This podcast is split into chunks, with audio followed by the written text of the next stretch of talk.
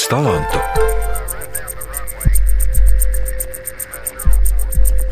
Esiet sveicināti! Rasa un Raits Šmiti ir mēdīņu mākslinieki.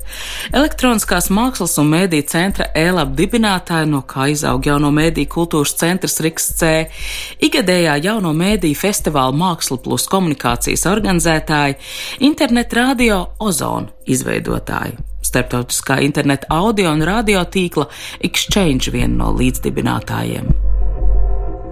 Ar jums sarunājas Anna Bušvica, un pilnīgi iespējams, ja nesakojat laikmatīgās mākslas norisei, viss nu pat uzskaitītais, lai ir noticis tepat Latvijas Mākslinieku savienības namā, kur ilgus gadus mākslas un mēdīju centram bija ierādīta telpa, var izklausīties jums svešs. Un pie vainas drīzāk ir šīs mākslas novatoriskums. Varbūt vienkāršāk būs, ja teikšu, ka Šmitu aizsāktais elektronisko mēdīju centrs tā ļoti pareizi iekļāvās pagājušā gadsimta 90. gadu neatkarīgo organizāciju un jauno mēdīju kultūras teorijās. Viņu radītās mākslas akcijas sakrit ar tobrīd pasaulē dzimstošajām idejām par pilsētas kultūras tīklu, par atvērtu eksperimentālu, piemēram, akustisko telpu, par savstarpējas komunikācijas un informācijas apmaiņas lomu. Rasa Šmita un Raits Šmits kā mākslinieki savu darbību aizsāka 1993. gadā. Tad, nu, atskatoties, kas no tā laika jūsmas par jauno mēdīju iespējām joprojām ir dzīvs. Pats brīnišķīgākais, ka tas pacēlums, kurā savulaik mērķiecīgi piedalījās arī mākslinieks tandēms, joprojām ir mūsu acu priekšā. No tā laika vārīšanās būtībā ir dzimis viss, ar ko Latvijā saistās laikmatīgā māksla. Un tas ir ne tikai jauno mēdīju kultūras centrs Riks C, arī tekstgrupa Orbīta, laikmatīgās mākslas centrs, jaunā teātra institūts. Šo uzskaitījumu droši vien varētu vēl turpināt. Un tā arī ir tā drošākā prove, kas pierāda tā laika mākslinieku uzdrošināšanās vērienu un svaru. Kopš 1998. gada Raits Šmits arī pasniedz Mākslas akadēmijā. Pat tam laikam izveidojusies vesela jauno mēdīju mākslas mācību programma Liepājas universitātē, faktiski izaugusi jaunu mākslinieku paudzi. Rikstce un ēlap veidoto projektu uzskaitījumu var atrast jauno mēdīju kultūras centru mājaslapā. Un lai arī varbūt izstādes nav tas mēdīju mākslā pateicīgākais veids, pēdējos gados Savā ziņā kā atskaites punktu un pretīm nākšana skatītājam, Rasa un Raits Šmiti tādus veido. Arī šobrīd izstāžu zālē arsenāls skatām izstādi lauki, tā tapuši sadarbībā ar austriešu kuratoru Armīnu Medošu, un tajā daļa mākslinieki ir no 20 gadu laikā veidotā un uzturētā sadarbības tīkla. Taču ir arī mākslinieki, kas varbūt bija vēl tikko dzimuši, kad Šmita meklē iespēju radīt mākslā ko pavisam jaunu. Mūsu saruna zināmā mērā būs Latvijas laikmatīgās mākslas dzimšanas vēstures pierakstīšana. Bet laikam jau jāsāk ar paskaidrojumu par radio studijā notiekošo. Rasa un Rēķis Šmiti šobrīd ir, kā man šķiet, augstākajā punktā. Nu pat atklātu viņa kūrētā izstāde Rīgas prestižākajā izstāžu zālē, viņi studē paši māca citus, un tieši šobrīd viņa ģimenē ir arī mazs bērniņš. Georgs, kurš šai sarunā guldz līdzi vai apšaubu katru vecāku teikto vārdu. Un visā notiekošajā ir tāds īstums, kas varbūt mākslinieku tandēm raksturojumā arī ir tas svarīgākais. Bet sākam mēs sarunu ar terminu noskaidrošanu. Ko mākslas kontekstā nozīmē jaunie mēdīji? Jaunie mēdīji radās apmēram ap to laiku, kad radās jaunas idejas, ko iesākt darīt ar datoriem un ar internetu. Līdz tam bija datori, bija skaidrs, ka jūs varat maketēt, piemēram, grāmatu, Jā, tas bija kaut kādā 80. gadu beigās, jau 90. gadu sākumā. Bet tad, kad ienāca internets, tāds viss savienots vienā tīklā, tad arī radās ap to laiku tā ideja, ka tas varētu būt jaunais mēdījis. Mākslinieki, kam parasti interesē dažādas jaunās tehnoloģijas, viņu pirmsākumos, protams, kamēr nav izpētīts, vēlāk jau, protams, viņas ieņem savu noteiktu lomu. Jā. Tā kā šobrīd varbūt citi pat domā, ka sociālajie tīkli ir internets, jau tas priekšstats ir izveidojis, bet tajos 90. gados nekas tam līdzīgs nebija. Un mums toreiz jauniem māksliniekiem, tik nesen beigušiem mākslas akadēmiju, šis likās, nu, kā fantastiska jauna teritorija, tāda virtuāla, tāda liela bez robežām, kurā varētu darboties. Tā mēs tos jaunos mēdījus uztvērām. Domāju, ka ir klausītājiem vispār jāatvedina atmiņā vai daudziem jaunākai paudzei pat jāpaskaidro Kā tas bija to 90. gadu vidū? Kādas tieši māksliniekiem cerības raisīja nu, šo jauno tehnoloģiju ienākšanu? Tas kaut kā vienlaicīgi redz sakrita. PSRS sabrukums, dzels priekškara nojaukšanas, šie politiskie notikumi sakrita vienlaicīgi arī ar jauno tehnoloģiju ienākšanu un ar komunikācijas tehnoloģiju ienākšanu. Tāds dubults pārs viens, ka tu vari pēkšņi tikt ārpus tā savu ierobežojumu, ja, kur tu esi visu dzīvi dzīvojis fiziski, bet tu vari vēl ātrāk to izdarīt, jo tu vari sazināties elektroniski. Tas bija tāds arī unikāls brīdis, kad šīs te tehnoloģijas vienlaicīgi gan Rietumē, Eiropā, gan citur pasaulē ienāca tāpat kā arī šeit bija šajā Padomju Savienības zonā. Un mākslinieki, kas sāka ar to darboties, patiesībā sāka vienlaicīgi visur ar to strādāt. Bet tie stāsti jau ir interesanti. Pats aizsākums kad, teiksim, nu, e-pasta lietošana sākās. Nebija īsti tā skaidrs patiesībā sākumā, kas tas tāds vispār ir.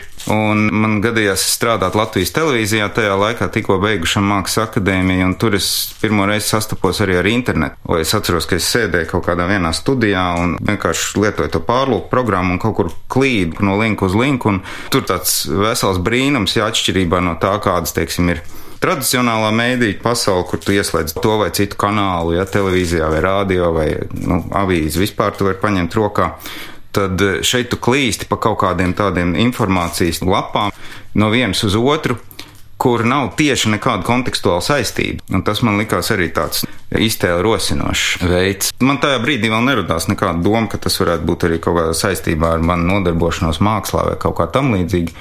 Bet eh, tieši, ka tas ir kaut kas jauns un līdz šim nebijis, un tur ir tiešām kaut kādas iespējas, jā, radošām izpausmēm tādas aizdomas radās. Bet es atkal te klausoties, ko Raits runā, man domas aizklīt pavisam senākā pagātnē. Man māma ir matemātiķe matemātisko grāmatu redaktoru. Viņa savulaik strādāja elektronikas skaitļošanas institūtā. Un arī viņa man aizved uz universitāti parādīt, kas tie e-pasti ir un tie interneti. Un vēl bija zaļie logi, nebija pārlūku programmas. Tagad domāju, ka tas bija pie kā Ikaunieka kunga un tas bija kaut kādi 80. gadu beigas, varbūt pat vidus.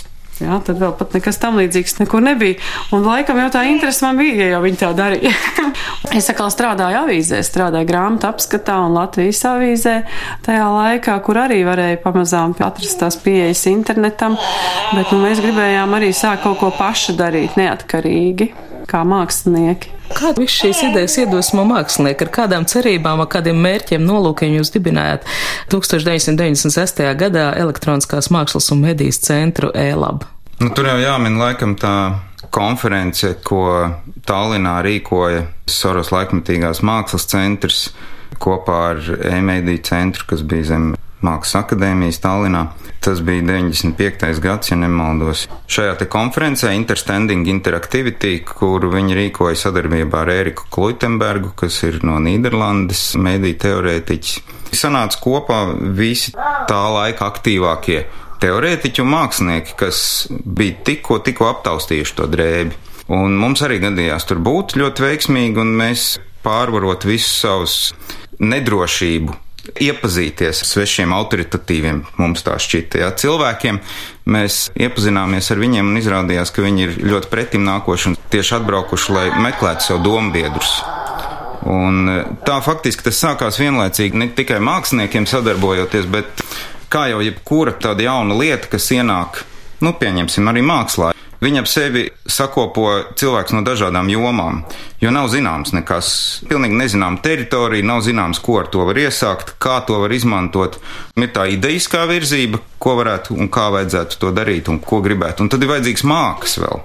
Un tāpēc tie dažādie cilvēki, kas sanāk kopā, katrs atnes kaut kādu savu māku, ja, kas viņam nāk līdzi no kaut kādas iepriekšējās pieredzes. Tādēļ arī tas 90. gadu vidus, jā, un līdz pat beigām bija tāds ļoti dažāds, ļoti produktīvs, ļoti, ļoti, teiksim, nu, uz sadarbību balstīts.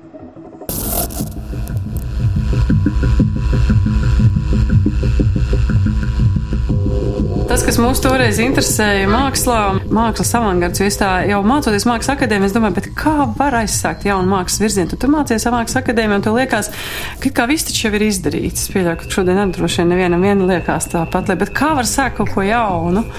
Bet visvairāk, protams, man interesē tieši tas mākslinieckais, kāda ir skaņa internetā. Kā ir, kad, piemēram, ekrāns ir tikai melns, varbūt, vai arī kā ir, ka mēs neizmantojam pārlūku programmu logus, bet internetu izpētam, kā skaņa ceļot caur dažādiem serveriem tikai skaniski un tikai. Jā, varbūt kāds troksnis tur sanāk, un tas parāda varbūt tās to visu to telpiskumu un arī tās daudzos slāņus, kamēr tie tavu pašu skaņu kaut vai atnāk atpakaļ. Mēs taisījām tādas internetu radio cilpas, saslēdzoties kopā Rīga, Ļubļa. Ljubljana, Berlīna, Banfs Kanādā un Austrālijā vēl dažādas laika zonas. Mēs laika pa laikam arī tā, nu, esam pārjautājuši, ko tad mēs īsti darām, ja viens tāds formulējums varbūt, kas ir šie te konkrētie mākslas projekti, ja, bet mēs darām daudz citas lietas.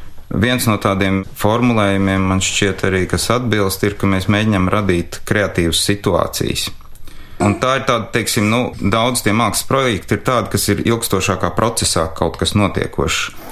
Tādēļ, teiksim, nu, viens, jā, kā agrīnākais varbūt ir šis te internet radio ozoni, kas bija tāda čaula, ja visam tas konteksts, kur eh, gan Latvijā lokāli mums bija svarīgi sadarboties ar mūziķiem, ar citiem māksliniekiem arī, un 90. gadu laiks, ja ir tas, kad uh, Latvijā, teiksim, kultūras jomā rodās daudzas mazas uh, apvienības un organizācijas, un tas ir tas laiks arī, kad radās dzēnieku apvienība Orbīta, radās Kaspar Vanaga un Ilzas Strasdiņas Miķeļa Fišera Open radās 99% svaigs, kur darbojās Valdemārs Johansons sākotnēji ļoti aktīvi un Linards Kūles un Ērika Bērziņa.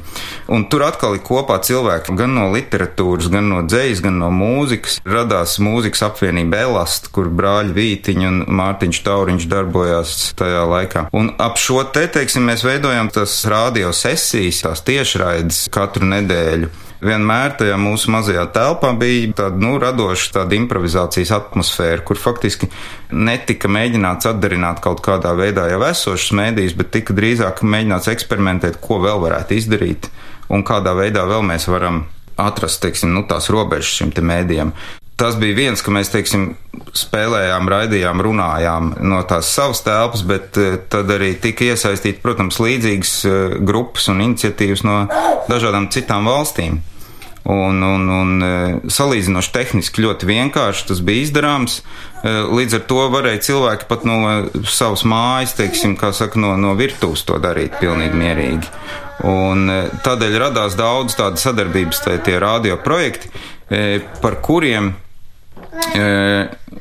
nu, ja, ja mēs tā atskatāmies, mēs par to tajā laikā nezinājām, bet izrādās, ka 80. gadu pašā vidū, 86. un 88. gadā, Latvijā tā paša, teiksim, nebijuši sajūta restaurācijas darbnīca, un cilvēki ap šo grupu piedalījās telefonu koncertā, kas bija starptautisks telefonu koncerts, arī ļoti līdzīga ideja, izmantojot telefonu līnijas vēl pirms interneta, ja, spēlēt kopīgas, teiksim, improvizācijas sesijas ar dažādiem punktiem dažādās vietās pasaulē.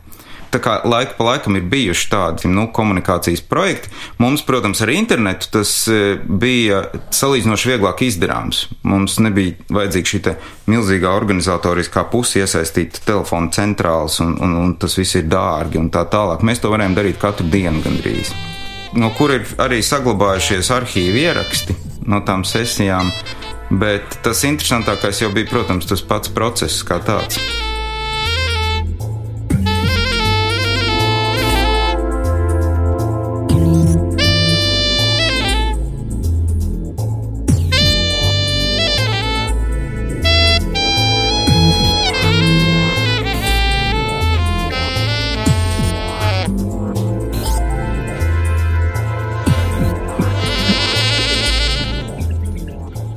Ilva Skulte, kultūras žurnālists un komunikācija pētniece.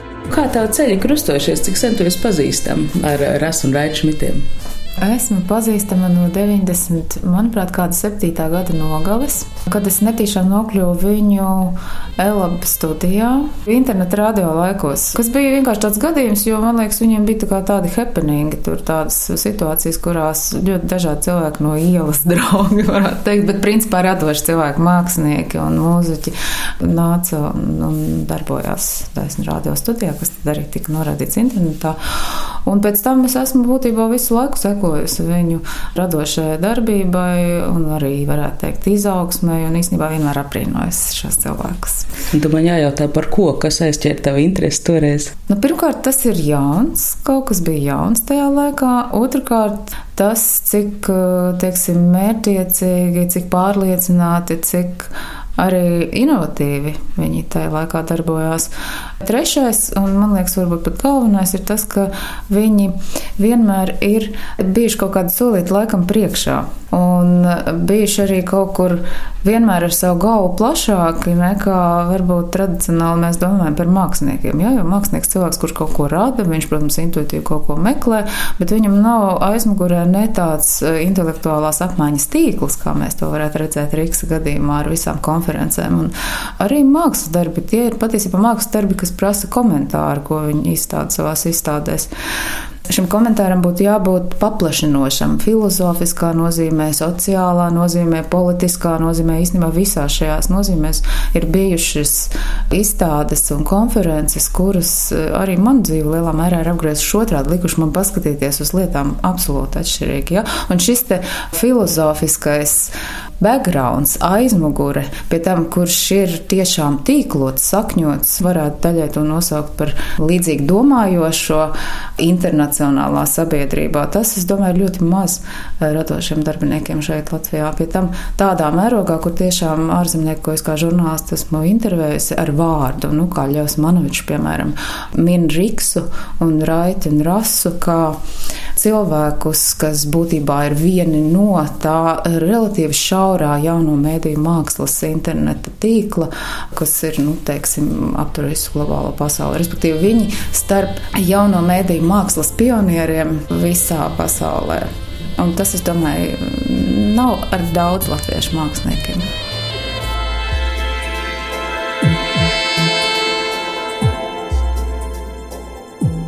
Kā tas, ko jūs toreiz darījāt, nu, ir saistīts ar to, ko jūs darat šobrīd? Kā jūs esat mainījušies, vai kas, teiksim, no tā laika uzstādījumiem ir palicis nemainīgs, joprojām būtisks? Kad paiet kaut kāds noteikts laika periods, mēs, protams, gribējām arī atskatīties uz tiem 90. Es, piemēram, savu disertāciju arī uzrakstīju par tieši par 90. gadu šīm kreatīvajām kopienām, kā es viņas nosaucu, ja, jo man salikās interesanti apskatīt. Turklāt es studēju doktorantūrā nevis mākslas akadēmijā, bet es studēju Stradiņu universitātē, jo man gribējās mazliet vairāk uzzināt par to laiku, kas tas īsti bija. Jā, jo ne tikai šauri mākslas kontekstā, bet saprast, ka visu to sociālo to uzbūs, kas sabiedrībā tajā laikā, kas tad tur notika un kāda vispār 20. gadsimtā ir tās vadošās sociālās un mēdī teorijas. Tajā kontekstā es uzrakstīju grāmatu par tiem kreatīviem tīkliem. Kas palika interesanti un kas ir galvenā vadlīnija, ka mainījās tehnoloģijas, ienāca nākošais jaunais mēdījis, mobilās tehnoloģijas, ar mākslu un zinātni, ja mēs strādājam ar radioastronomiem kopā un tagad ar biologiem kopā. Un dažādas šīs tendences, jā, bet tā viena līnija, kas mums ir gājusi cauri no jauniem mēdījiem, ir tas, ka mums patīk komunicēt. Es saku, jebkurā gan iz mūsu darbā ir šis komunikācija aspekts un kolektīvā radīšana jeb kolektīvā darbošanās, ka mēs iesaistam arī citus māksliniekus. Māksla plus komunikācija. Tāds arī ir nosaukums jauno mēdīju kultūras festivālam, kas tiek rīkots kopš 1996. gada. Tajā ir gan teorētiski priekšlasījumi, gan performances, tradicionālās izstādes, festivāla tēmas, atjaunojamā nākotne, pārējošās stabilitātes punkti, tehnoekoloģijas, Rasa un Raits Šmiti ļaujās un, es teiktu, mērķiecīgi veidot to, ko varētu apzīmēt arī kā mākslas izmainīto lomu mūsdienu sabiedrībā. Māksla ir kolektīva, māksla ir sociāli atbildīga, māksla faktiski ir veids, kā citādi palūkoties uz mākslinieku izvirzīto jautājumu. Ieskatoties Riks C mājaslapā, galvu var noreipt no īstenoto projekta amplitūdas. Tajā ir jau pieminētā signāla sūtīšana kosmosā sadarbībā ar Irbens radioteleskopu astronomiem, elektronisko rokdarbu studiju pagājušā gada dziesmu svētku laikā, grāmatu izdošana konferences. To visu kopā sasaista iekšēja loģika. Proti, ja mākslinieks ir atradzis kādu tēmu un izvirzītais jautājums viņu patiešām interesē, viņš izmanto visas savas prasmes, godprātīgi meklējot atbildi. Un prasme spriest teorētiski ir tāda pati apgūta prasme, kā, piemēram, rīkoties ar datoru vai kādām citām tehnoloģijām. Rasa Šmita to ir slīpējusi apgūstot komunikāciju teorijas, Raits savukārt ir pasniedzējis Mākslas akadēmijā. Es jau strādāju jau kopš 90. gadu pašām beigām Latvijas Mākslas akadēmijā. Un tiklīdz mēs faktiski nodibinājām ēlabu, jā, tā es atceros Ojārs Petersons atveda divus savus pirmkursniekus, Mārtiņu Ratniku un Renāru Krūmiņu uz ēlabu.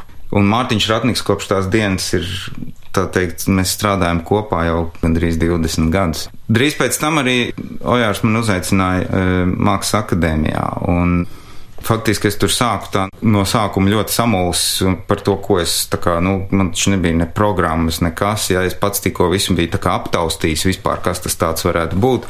Pirmie gadi man pagāja pašam mācoties un domājot, un vienlaicīgi arī iespaidojoties no saviem kolēģiem un no studentiem arī pašiem galvenokārt. Kā tas viss varētu izveidoties. Un tad tas tā, jā, ir, ir aizgājis un jau laiks ir pagājis, kopš es strādāju Mākslas akadēmijā. Tur raksta disertāciju. Jā, un, un es gan arī pabeidzu. Šobrīd es esmu, tā teikt, atkal kļuvis par studentu. Es esmu beigu fāzē savai disertācijai tieši par jauno mēdīju mākslu un par jauno mēdīju mākslas saglabāšanu un izstādīšanu. Tā specifiski par šo tēmu es droši vien varētu visu dienu runāt. Katrā ziņā tas, ko dod arī pasniegšana, mācīšana, jo tu vairāk tu māci, kā taisīt mākslu, jo vairāk es saprotu, kā viņa būtu jātaisa. Man ļoti patika, kā teica, nu pat mums te konferencē viena no arī izstādes lauki māksliniecēm Lisa Jevbrata no Amerikas. Viņa pētīja, kā redz pasauli eh, dzīvnieki, bet tā kā to jau, protams, vēl nevar īsti nekā izpētīt neviens zinātnieks līdz galam. Tad viņa, protams, saka, ka šeit ir tā māksla, jo zinātniekam izbeidzās eh, robežas, jo viņš nevar tik tālu tālu ne spekulēt, ne tik tālu iztēloties, ja? tas jau iet pāri kaut kādiem zinātnes vai varbūt mērķiem, kā viņi iztēlojas, kā dzīvnieki redz pasauli. Viņa teica tā, viņai tik ļoti tas trīs gadu apakaļ interesēja bija elementāri izējas punkts, kā redz mans kaķis. Un tā tad, ja tu nezini, ko ar to visu darīt, kā tu to vispār iesāks, viņi saka, nu, ko tad es daru? Tad es uztaisu vienu kursu saviem studentiem. Un tad mēs kopīgi sākam meklēt, no kā to var izpētīt. Lisas Jevbrats darbs, cik atšķirīgi no mūsu ierastās var izskatīties pasaules suņacīm, šobrīd aplūkojums izstāžu zālē arsenāls, izstādē lauki tāpat kā beļģu kolektīvu Akno kartētie bišu ceļi pilsētā. Viņi nodarbojas ar dārzniecību un biškopību uz māju jumtiem, poetiski pretstatot urbāno vidi un dabas klātbūtni. Vai latviešu mākslinieka Ginta Gabrāna sapnis par īpašu enzīmu, kas cilvēcei dot iespēju dzīvot nākotnes pārapdzīvotajā pasaulē, atrodot jaunus barības avotus. Šo ideju viņš risina kopā ar zinātniekiem, ar biologu Jānu Liepiņu. Izstādē bieži vien par vizuālo un estētisko iespēju būtiskāks ir viss šī projekta tapšanas stāsts. Tā, piemēram, izstādē lauki, manu lukšu ir izstādījis nelielu laiviņu. Bet visa mākslas projekta būtība ir tā, ka šai laiviņā viņš kursēja pa pilsētas kanāliem, radot alternatīvu kursējošajiem ūdens taksometriem un apmaiņā pret braucienu piedāvājot sarunu. Faktiski tas ir stāsts par alternatīvu naudas pakalpojumu attiecībām cilvēku starpā. Kāpēc jūs izvēlējāties veidot tieši izstādes, lai gan šie darbi, ko jūs piedāvājat, nu, viņi nav īsti piemēroti izstādīšanai izstāžu zālē šādā veidā?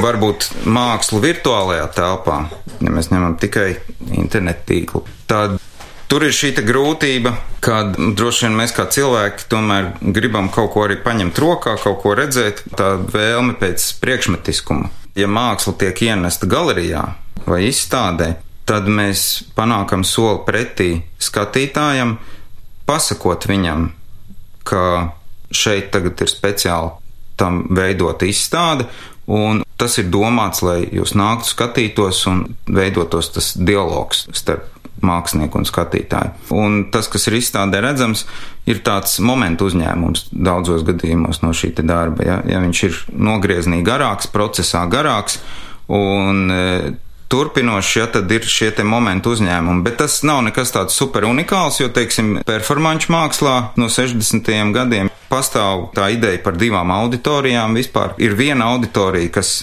pieredz šo te performanci publiskajā telpā. Tie tie nejaušie garām gājēji, kuri nenojauš vispār, kad var būt, vai viņi varbūt ir, teiksim, nu, knapi nojauš vai apmulst kaut kādā brīdī, ka viņi redz kaut ko tādu neiederīgu tajā parastajā sociālajā gājumā. Šo te mākslinieku kaut kādu sociālo vēstījumu vai performanci. Un tad ir, protams, šī novēlota auditorija, kas esam visi mēs, gan plašāka publika, gan mākslas publika tīri, ja, kur mākslinieks tālāk jau atnes to visu tajos momentu uzņēmumos, tajos izgriezumos, tajā dokumentācijā par šo notikumu un stāstījumā par šo notikumu, un tad viņš faktiski mūsu tādā apziņā iesēžās jau, jau no tā visa. Ja mēs viņu būtu patiešām pieredzējuši bez pārtulkojuma, Nezinu, kas, vai, vai tas tiktu pamanīts vispār, jā, vai mēs nepaskrietu garām, nepamanot visu to, neaizdomājoties. Tādēļ viens no šiem iemesliem varbūt salīdzinoši arī ir, kad mūsu gadījumā ir svarīgi ņemt tos izgriezumus, tos momentu uzņēmumus un likt viņus izstāžu zālē. Man iedvesmoja mūsu sarunas sākumā Raita Šmita raksturotā sajūta, pirmo reizi iepazīstot, kā būvēts internets ka pasaule internetā sastāv no tūkstošiem savstarpēji nesaistītām plaknēm, kuras pārlūk programmā ierakstot kādu uzstādījumu, var savērpties noteiktā kārtībā, sinerģijā. Tad no nu arī pārlūkojot rases un raidu šmitu veikumu. Gribās teikt, ka mākslinieku loma mūsdienās faktiski ir būt par šādu impulsu izsaucēju. Tāpat laikā tas mākslinieku veikumu padara ļoti neaizsargātu, situācijā balstītu. Es vēl gribēju par to saglabāšanu pajautāt, kā vispār šādu veidu darbus saglabāt, kas ir nu, tās tie pamatpostulāti, ko jūs rakstat. Tādā ievadā, es domāju, varētu uzreiz aiziet, piemēram, uz izstādi lauki un apskatīties Mārtiņa Ratnika darbu, kas ir eh, liela televizora siena, kas rāda ilūziju par kustību, ilūziju par animāciju Un tur ir 27 vecā veida televizori ar kineskopiem, tie CRT televizori, tā saucamie, kurus vairs neražo. Un pirmo reizi tas darbs tika taisīts un, un izstādīts 2007. gadā, bet šodienas situācijā šis darbs ir ieguvis papildu nosaukumu, kas ir izzūdoša ainava lauki un izzūdoša ainava. Un izzūdoša ainava tajā nozīmē, ka šīs te tehnoloģijas aiziet un faktiski ar cita veida televizoriem to darbu nav iespējams adekvāti parādīt. Tur ir tā pretruna, ja, ka šīs te jaunās tehnoloģijas, kuras daudzos darbos spēlē ne tikai funkcionālu, bet arī jēdzienisku nozīmi, viņas, protams, ātri mainās, ātri noveco un iziet no ierindas.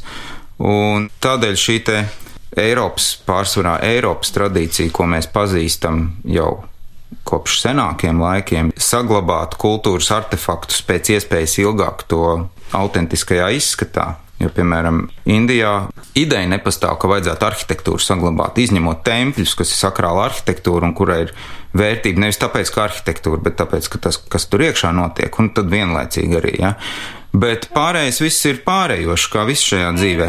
Mums šī Eiropas tradīcija ir mazliet savādāka, un tā zināšana nodošana citām paudzēm līdz ar to arī ir mazliet savādāka. Un tādēļ šis te autentiskums ir svarīgs bijis, un tāpat laikā apzinoties šo autentiskumu nepieciešamību, mēs saprotam, ka mēs esam sprukās ar eh, jaunu veidu tehnoloģijām, viņas ir izzūdošas. Pats Steve's Jobs ir teicis, ka viņš strādā radot šīs te jaunos datorus, viņš saprot, ka viņš strādā ar ļoti ātri izzūdošu materiālu, jo, jo tas iepriekšējais, ko viņš radījis pirms desmit gadiem, jau faktiski vairs nav lietojams. Tādēļ šī cīņa par to autentiskumu ir viens veids, kādā veidā mēģināt saglabāt pēc iespējas ilgāk, tomēr, un tikpat tik vienkāršoti, kad Mārtiņa Ratnika gadījumā mums vajadzētu iepirkt kādu tūkstotu vecus televizorus, kamēr mēs viņus vēl varam iepirkt. Tieši tā arī notiek Eiropā lielākajos mēdī mākslas muzejos, ka viņi vienkārši iepērk šīs te vecās tehnoloģijas. Vienlaicīgi saprotot, ka jā, kad tas ir stratēģija nākamajiem desmit gadiem, ne ilgāk. Otrs, kas man šķiet interesants, ir ideja par to, ka e, skatīties uz mēdīju mākslu, un tas nāk daudz no performanču mākslas un no skatuves mākslas, kā uz uh, izrādi mēs ņemot, teiksim, kaut vai Šekspīra izrādi, mēs viņu uzvedot katreiz no jauna teātrī, mēs viņu faktiski pārinterpretējam no jauna. Tur ir cits režisors, cits dekorācijas, citi aktieri.